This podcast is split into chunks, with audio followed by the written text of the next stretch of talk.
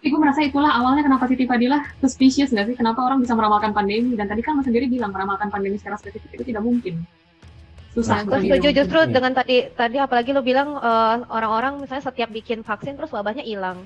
Jadinya rugi ya udah sekarang gue bikin vaksin dulu terus gue ciptain ini penyakit. Iya. Vaksinnya udah ada dan menurut gue masuk akal klaim yang dibilang Ibu Siti Fadila itu. Kan vaksin itu dibikinnya prosesnya lama. Tiba-tiba ini lo udah ada aja, cepat banget. Hmm.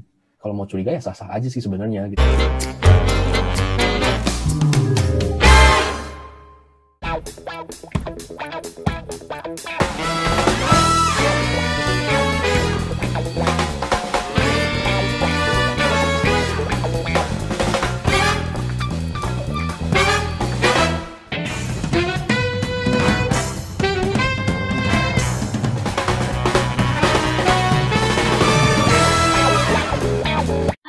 TGI friends semua, balik lagi di podcast TGI Foxbusters. Nah, hari ini balik lagi nih sama kita berempat aja, tanpa bintang tamu, karena hari ini kita mau bahas tentang konspirasi. Jadi ini nggak ada ahlinya ya guys, kalau konspirasi kita mau undang siapa juga bingung. Gue ada ide undang siapa? Oh siapa? Yonglex. Kenapa Yonglek? Karena Yonglek uh, adalah orang yang mungkin kalian nggak tahu tapi dia suka banget teori konspirasi. Sangat om, karena sampai sekarang ini gue masih percaya kalau bumi itu datar. nah, konspirasi apa sih yang kita omongin? Ya, itu nggak lain dan bukan, nggak bukan adalah video mantan Menteri Kesehatan Indonesia, uh, Ibu Profesor Siti Fadila dengan Deddy Kobusier yang viral itu loh. Link untuk ke videonya nanti kita taruh di deskripsi di bawah ya, bisa dicek.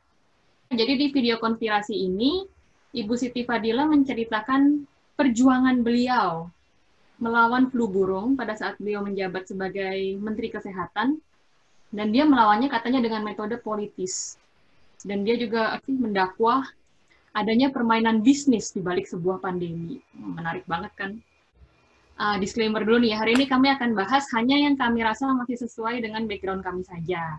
Dan itu kita bisa tackle secara faktual gitu jadi untuk statement beliau yang sifatnya argumen kita nggak akan bahas lebih lanjut. Contohnya yang kayak beliau bilang, aneh ya Bill Gates, dia bukan orang medis kok dia bisa pasti sekali meramalkan pandemi. Gue sih nggak merasa itu aneh ya. Banyak banget contoh CEO, backgroundnya beda, tapi dia bisa ngelit dengan sangat bagus. Tapi itu pendapat kita. Pendapat Siti Fadila beda, ya terserah dia. Yang pertama, um, Siti Fadila mengklaim beliau membatalkan penetapan pandemi flu burung oleh WHO. Jadi membatalkan penetapan pandemi flu burung oleh WHO. Uh, eh, mungkin kita bisa start dari bahas apa sih pandemi itu sebenarnya? Apa bedanya sih pandemi, outbreak, dan epidemi? Jadi sebenarnya tiga istilah ini tuh berbeda, tapi kesamaannya tiga-tiganya ini adalah mendeskripsikan adanya lonjakan jumlah penyakit, tapi yang membedakan antara ketiga istilah ini adalah skalanya. Jadi outbreak atau wabah itu adalah ketika suatu kasus penyakit jumlahnya melonjak lebih dari biasanya secara tiba-tiba. Nah, hanya saja penyebarannya itu terbatas pada area yang kecil. Nah, sebagai contoh diare. Kalau misalnya di sekolah ada satu atau dua anak yang terkena diare dalam satu minggu itu kan mungkin biasa ya. Nah, tapi kalau tiba-tiba ada 15 anak di satu sekolah sama-sama terkena diare secara bersamaan, nah itu bisa dikategorikan sebagai wabah. Nah, misalnya kalau dalam konteksnya uh, eh, COVID-19 nih, waktu pertama kali virus SARS-CoV-2 ini dilaporkan, nah biasanya kan tidak ada tuh kasus pneumonia. Tiba-tiba terjadi lonjakan kasus pneumonia. Nah, pada orang-orang yang pernah pergi ke pasar seafood nih di Wuhan. Nah, pada saat itu di awal-awal kasus ini masih dikategorikan sebagai wabah atau outbreak. Nah, kalau epidemi adalah outbreak atau wabah yang terjadi pada skala geografis yang lebih luas. Nah, misalnya waktu virus SARS-CoV-2 ini sudah ditemukan di kota-kota lain di Cina selain Wuhan. Nah, makanya itu outbreak sudah berubah menjadi epidemi. Nah, ketika epidemi ini tidak terkontrol dan menyebar ke negara lain, uh, sampai ke benua lain, nah maka statusnya bisa berubah menjadi pandemi. dan transmisi dari orang ke orang terjadi secara lokal. Jadi dia udah dari Wuhan misalnya orang traveling dari Wuhan pulang lagi ke Indonesia. Nah di Indonesia misalnya udah uh, dia nggak menularkan ke tempat lain itu nggak semerta-merta jadi pandemi. Tapi kalau orang yang pulang dari Wuhan ini kemudian menularkan lagi ke keluarganya, nanti menularkan ke temannya, nah temannya menularkan ke orang lain lagi. Jadi terjadi penularan secara stabil, secara terus-menerus di secara lokal itu disebut dengan pandemi. Kalau misalnya dari tingkat keparahan penyakitnya itu apakah akan mempengaruhi status pandemi apa enggak? Nah, kalau secara epidemiologi tidak memperhitungkan apakah orang yang di daerah tempat penyebaran itu punya imunitas atau uh, penyakit ini tuh parah. Jadi memang hanya dari segi uh, skalanya gitu. Lebih ke penyebarannya ya. Penyebarannya ya. Bukan tingkat keparahan dari suatu penyakit. Oke. Okay.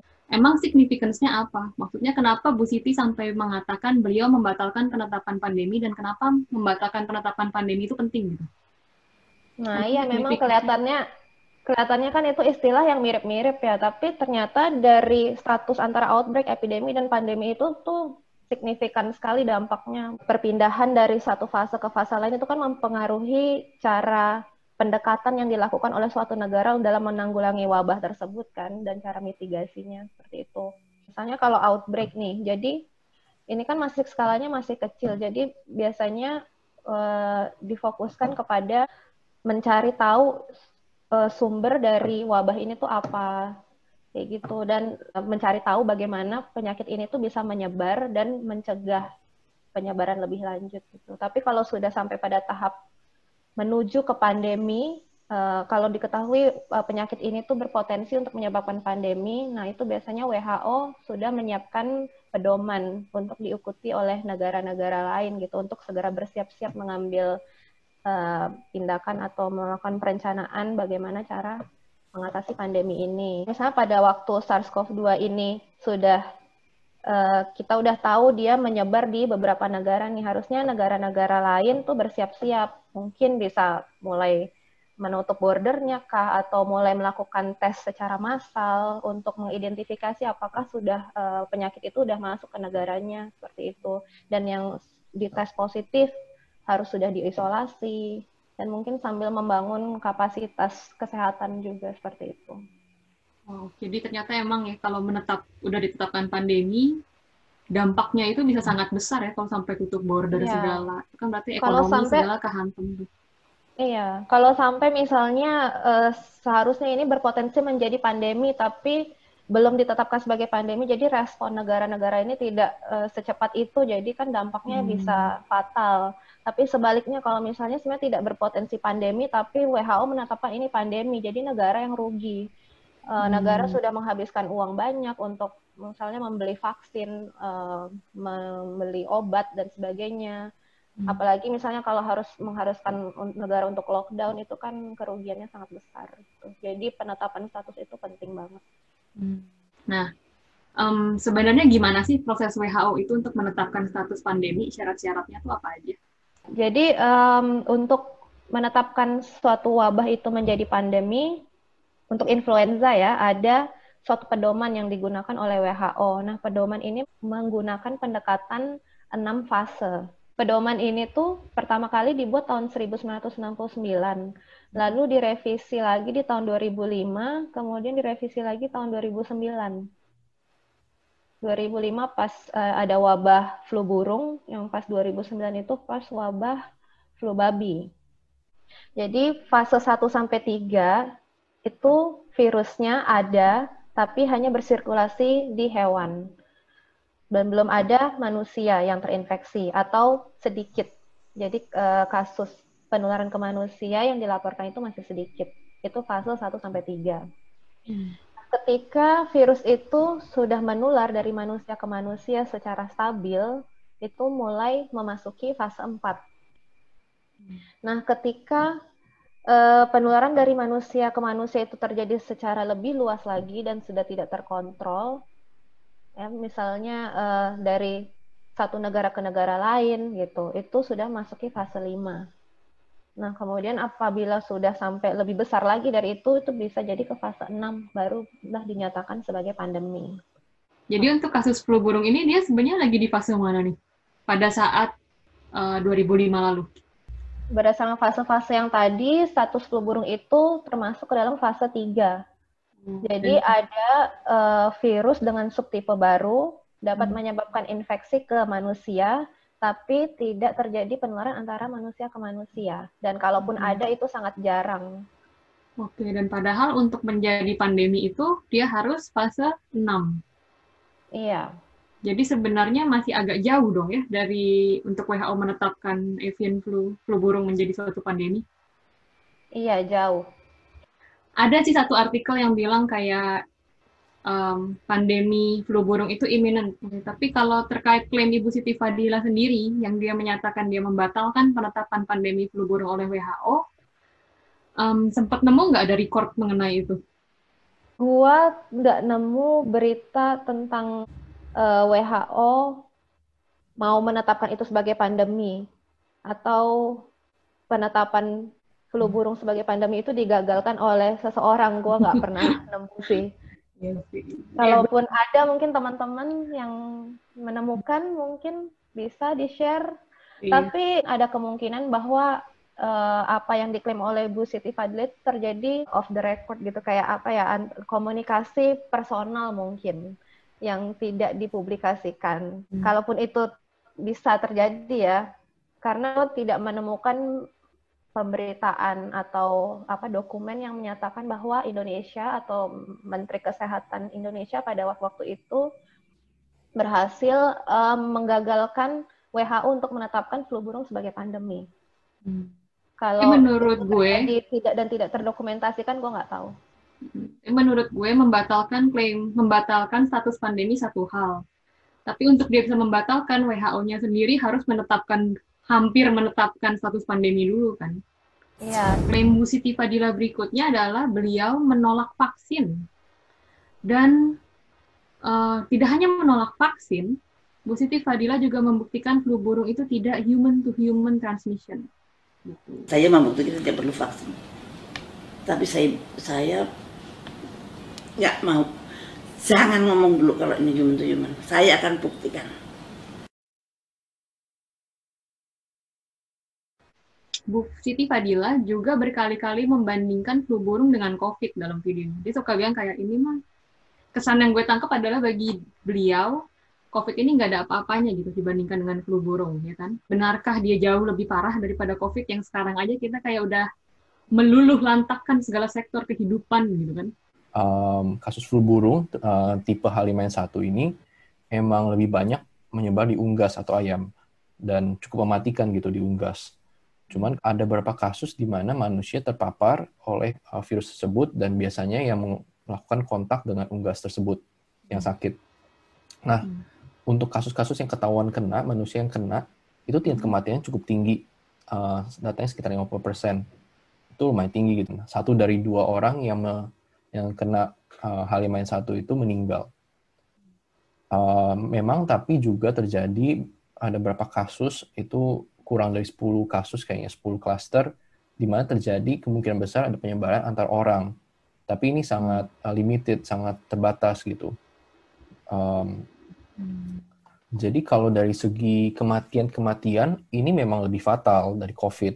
Hmm. Tapi uh, dengan disclaimer, dengan catatan bahwa ini yang ketahuan kena. Kita nggak tahu sebenarnya kan seberapa banyak orang yang sebenarnya sakit, tapi uh, karena H5N1 di satu sisi yang lain uh, flu burung H5N1 pada saat itu tuh dari segi penyebaran manusia ke manusia itu jauh di bawah COVID gitu. COVID seperti kita tahu COVID tuh gampang sekali, mudah sekali hmm. menular, baik ya bahkan yang asimptomatik pun yang tanpa gejala sudah mulai sudah bisa menularkan ke yang lain. Jadi um, agak nggak ini ya, bukan apple to apple ya, nggak sebanding gitu loh dari uh, membandingkan COVID dengan flu burung. Dari kematian memang lebih parah flu burung haliman satu. Tapi dari segi kemungkinan dia bisa menyebabkan pandemi atau wabah deh di manusia mm-hmm. itu uh, itu lebih jauh pak lebih parah COVID sih COVID-19 ini. Jadi kalau bisa dibilang kalau flu burung itu masalah mortalitas, kalau COVID itu morbiditas ya. Uh, Iya, iya, dan tidak juga mortalitas, tapi banyak lebih yang ke terkena. ya lebih ke kemampuan dia menginfeksinya si transmissibility-nya itu jauh lebih tinggi buat COVID. Ini gue ada data yang mendukung Felix kayak dari 2005 sampai 2007 aja, itu cuma ada 116 kasus akumulatif untuk tiga tahun. Jadi memang tingkat penyebarannya itu serendah itu. Itu di Indonesia doang. Oke, jadi ternyata flu burung itu dia mortalitasnya memang tinggi tapi tidak menyebar dengan mudah. Tapi gimana kan Bu Siti Fadilanya kayak berkali-kali men-stress tentang human to human transmission. Jadi gimana sih Mhm. sebenarnya status human to human transmissionnya si flu burung ini itu sesuatu yang stabil atau jangan-jangan cuma spillover infection? Spillover infection merupakan suatu istilah yang menggambarkan perpindahan virus dari satu spesies ke spesies lainnya. Misalnya nih, hewan peliharaan kamu sakit. Umumnya, virus yang menginfeksi hewan itu tidak bisa menyerang manusia karena tidak kompatibel dengan manusia. Tapi terkadang virus dapat menemukan jalan untuk pindah dari hewan ke manusia, sehingga manusia pun menjadi tertular.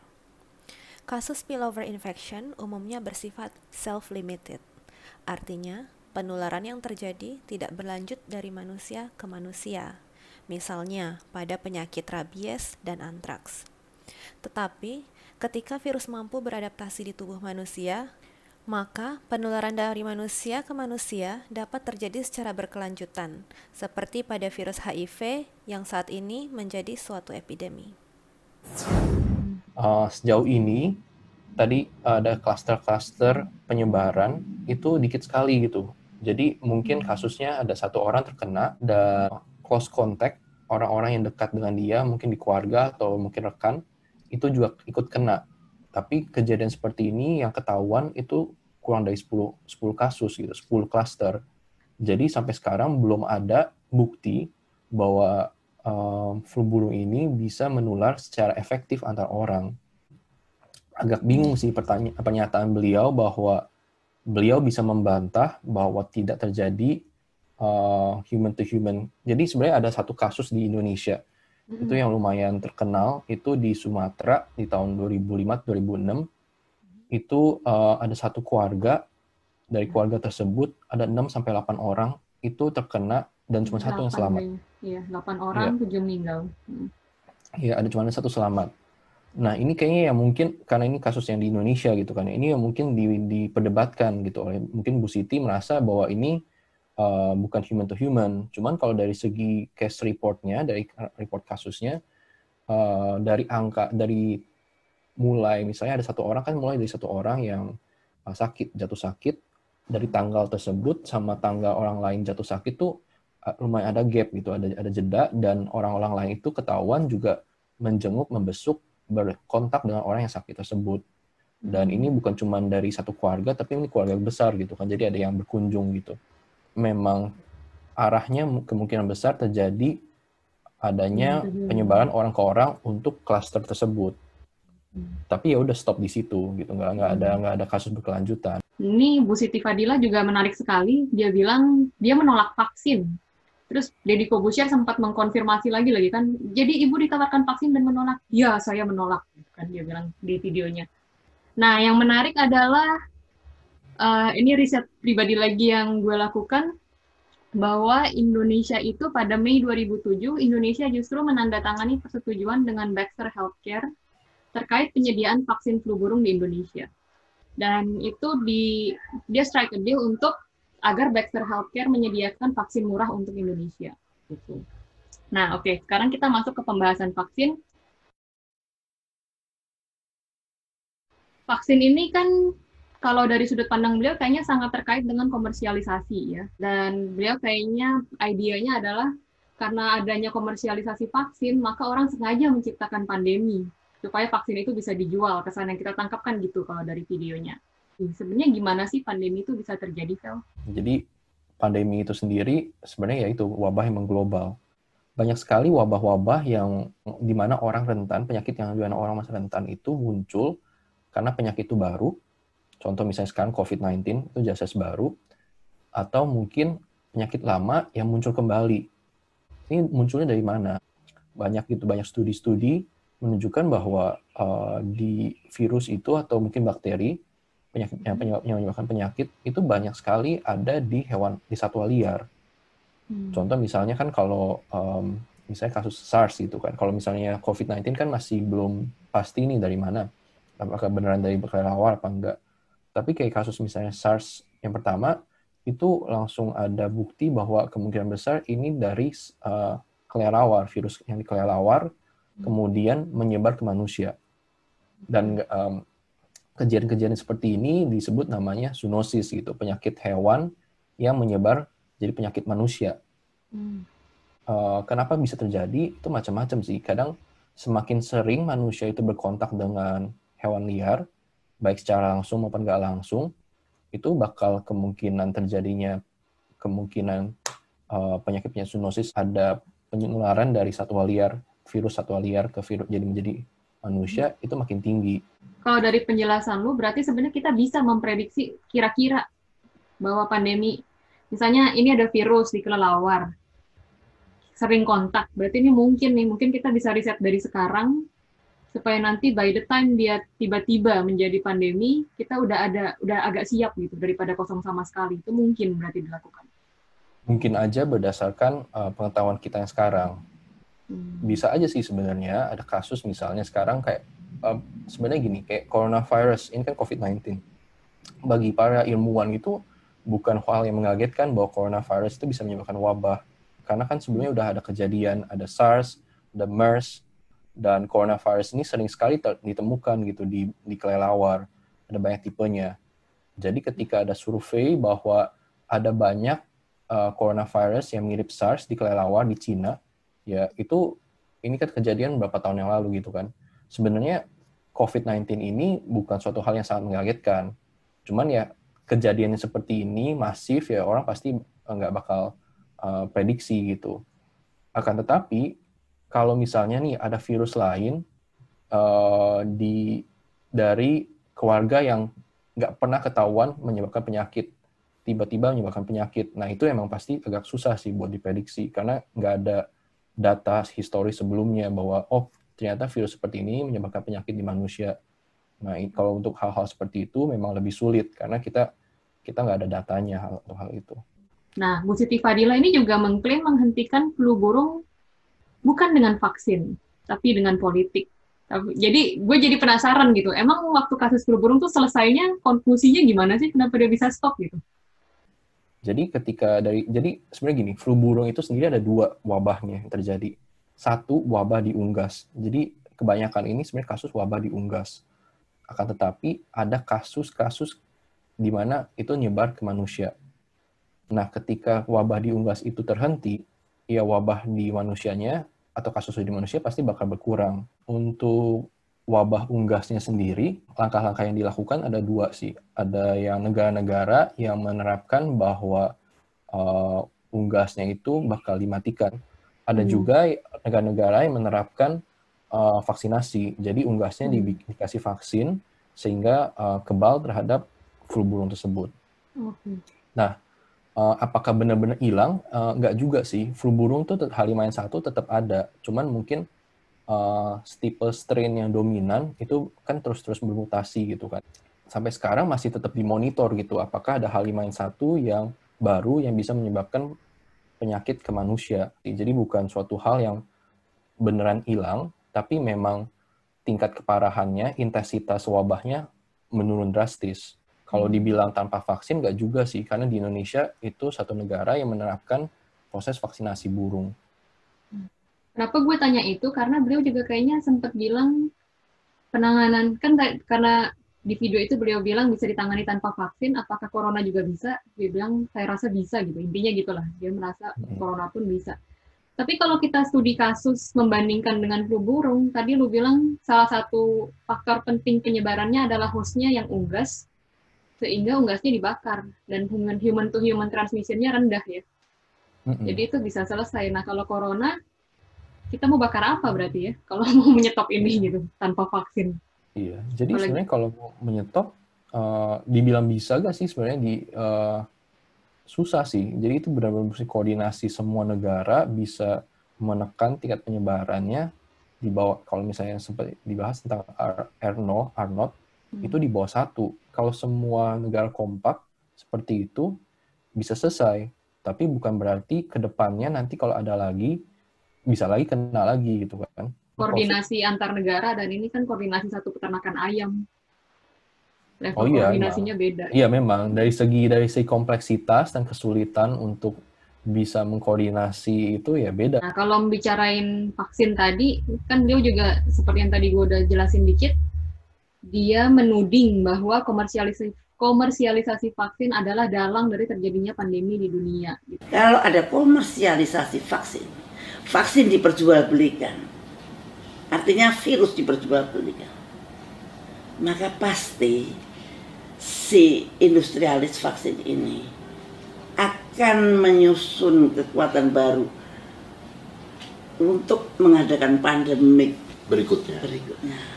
Karena panen, kalau pandemik panen, kalau pandemik panen. Dan nanti kan dia bikin pandemik terus loh. Ya. Kalau kita ngomongin komersialisasi, berarti kata kuncinya itu keuntungan. Emang Mm-mm. semenguntungkan apa lu jualan vaksin sampai lu mau bikin orang sedunia sakit gitu? Hmm. Sebenarnya kalau dibilang untung apa enggak itu kan tergantung dari pricing yang dibuat oleh perusahaan tersebut.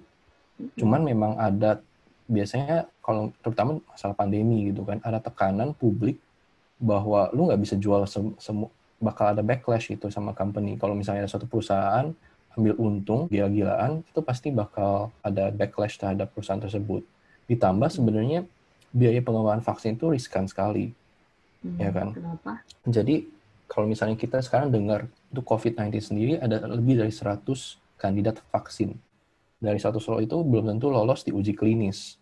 Proses uji klinis sendiri bakal makan waktu, bakal biayanya lumayan besar karena butuh rekrutmen uh, sukarelawan banyak. Dan kalau misalnya gagal ya udah gagal. Jadi upaya pengembangan vaksin itu seperti upaya pengembangan obat lainnya uh, cukup ini ya cukup cukup lama gitu dan resiko gagalnya tinggi. Kalau misalnya dari segi pembuat vaksin kan sekali uh, orang mengembangkan vaksin dan orang tersebut imun punya daya tahan terhadap penyakit tersebut, orang tersebut kan nggak perlu lagi gitu kan nggak perlu lagi Hmm. uh, ada vaksin ber- berikutnya mungkin bisa 10 tahun bisa imun terhadap penyakit tersebut. Justru uh, bisnis model seperti ini malah kayak makan market size-nya gitu kan, ma- makan potensi ma- uh, pasar dia dia akan datang. Kalau misalnya kasarnya, uh, kalau nggak salah gitu ya data yang ada, yang pernah lihat, dia uh, secara global pendapatan untuk penjualan suplemen, vitamin, makanan itu bisa dua kali dua setengah kali lipat dari pendapatan global orang bikin vaksin. Sedangkan dari segi biaya produksinya dan biaya riset itu jauh lebih murah untuk bikin suplemen vitamin C. Sekarang misalnya orang eh, dengan COVID ini orang mungkin bakal banyak makan vitamin gitu kan dia punya pendapatnya lebih tinggi. Orang kalau misalnya gua nih punya duit gitu kan punya mau punya ratusan M, mendingan gua bikin pabrik buat bikin vitamin daripada bikin vaksin. Belum tentu berhasil gitu kan bikin va- vaksin. Dan yang penting juga sebenarnya ini ya, kalau bisnis vaksin tuh investmentnya gede, prosesnya pun ribet, ya kan? Iya. Dan waktunya terbatas begitu pandemi ini kelar, siapa lagi yang mau vaksin COVID? Coba, ya sih? Iya. Dan sebenarnya ini resiko yang real sih. Ini terjadi ketika uh, kasus SARS. Hmm. Jadi upaya pengembangan vaksin untuk SARS di tahun 2004-2005 itu ada gitu, ada upaya membuat vaksin SARS. Tapi karena pandeminya udah hilang, ya udah dia punya prosesnya udah nggak ada yang mau lagi uh, danain gitu. Dia punya proses risetnya udah nggak ada yang mau danain, nggak ada yang mau uji coba juga. Even kalau misalnya dia mau bahkan kalau orang tersebut uh, grup tersebut mau udah berhasil menjadi kandidat vaksin, dia nggak bisa ngetes Hmm. Iya, dan sebenarnya it's- ini ya jadi nggak si- siapa yang mau membiayai uh, upaya pembuatan vaksin yang wabahnya udah kelar bisa Hmm. aja sih wabahnya datang kembali di kemudian hari tapi Hmm. uh, kapan gitu kan sebenarnya ini juga yang paling krusial itu kejadian di Ebola Hmm. di mana kandidat vaksin itu sebenarnya udah ada tapi wabahnya itu selalu kelar duluan sebelum bisa diuji Hmm. coba Tapi gue merasa itulah awalnya kenapa Siti Fadilah suspicious nggak sih? Kenapa orang bisa meramalkan pandemi? Dan tadi kan Mas sendiri bilang meramalkan pandemi secara spesifik itu tidak mungkin. Susah. Nah, gue setuju justru iya. dengan tadi tadi apalagi lo bilang uh, orang-orang misalnya setiap bikin vaksin terus wabahnya hilang. Jadinya rugi ya udah sekarang gue bikin vaksin dulu terus gue ciptain nih penyakit. Iya. Vaksinnya udah ada dan menurut gue masuk akal klaim yang dibilang Ibu Siti Fadila itu. Kan vaksin itu dibikinnya prosesnya lama. tiba-tiba ini lo udah ada aja, cepat banget. Hmm. Kalau mau curiga ya sah-sah aja sih sebenarnya. Tapi uh, anggaplah kita berandai vaksin untuk SARS itu sudah ada dan terus dikembangkan pas tahun 2005-2006 itu. Ketika ada COVID itu uh, muncul, itu kemungkinan karena targetnya mirip SARS dan SARS-CoV itu kan sepupuan. Bisa aja uh, walaupun mungkin kurang tepat, tapi bisa aja menghasilkan imunitas terhadap COVID-19 gitu. Jadi uh, udah bisa di deploy gitu, bisa langsung diuji coba instead of sekarang diuji coba, ini mungkin udah tinggal dari Januari udah bisa diuji coba gitu. Menanggapi tuduhan apakah bisa aja orang uh, bermain-main uh, nyebabin virus ya itu sih kayaknya itu suatu tuduhan yang nggak bisa dibantah gitu ya, maksudnya nggak bisa dibantah, nggak bisa diiyakan gitu. Kalau kecuali dia bisa uh, buktikan gitu bahwa ada ada yang sengaja gitu, menurut gue. Sebenarnya salah satu contoh argumen yang tadi gue bilang nggak akan kita bahas sih, karena beliau juga berargumen apalah macam-macam kan argumennya Bu Siti di situ ya. Sebenarnya itu, iya. tapi ya orang bebas lah mau berpikir apa, liar iya. mungkin. Tapi dengan kalau misalnya sampai ini ya sampai kayak uh, oh mungkin bisa berutang budi itu um, aneh sih sebenarnya. Jadi apakah ada orang, ada pihak-pihak yang sengaja membuat pandemi supaya vaksinnya laku terjual? Hmm. Jadi orang bisa berpikir apa saja, tapi kalau kita hitung secara cost and benefit-nya, sebenarnya industri vaksin itu bukanlah industri yang menguntungkan lah ya, bisa kita bilang. Bahkan bisa dibilang dia kayak industri anak tirinya industri farmasi gitu. Jadi ya orang bebas berpikir apa saja, tapi kalau sebagai bisnismen gue rasa unlikely lah ya untuk melakukan effort sampai mengcreate pandemi untuk menjual suatu produk yang dijualnya saja dalam waktu yang terbatas dan investasi yang tinggi. Bahkan sekarang, bahkan sebenarnya malah ada regulationnya untuk menjaga harga vaksin kan, supaya industri vaksin terus berjalan gitu.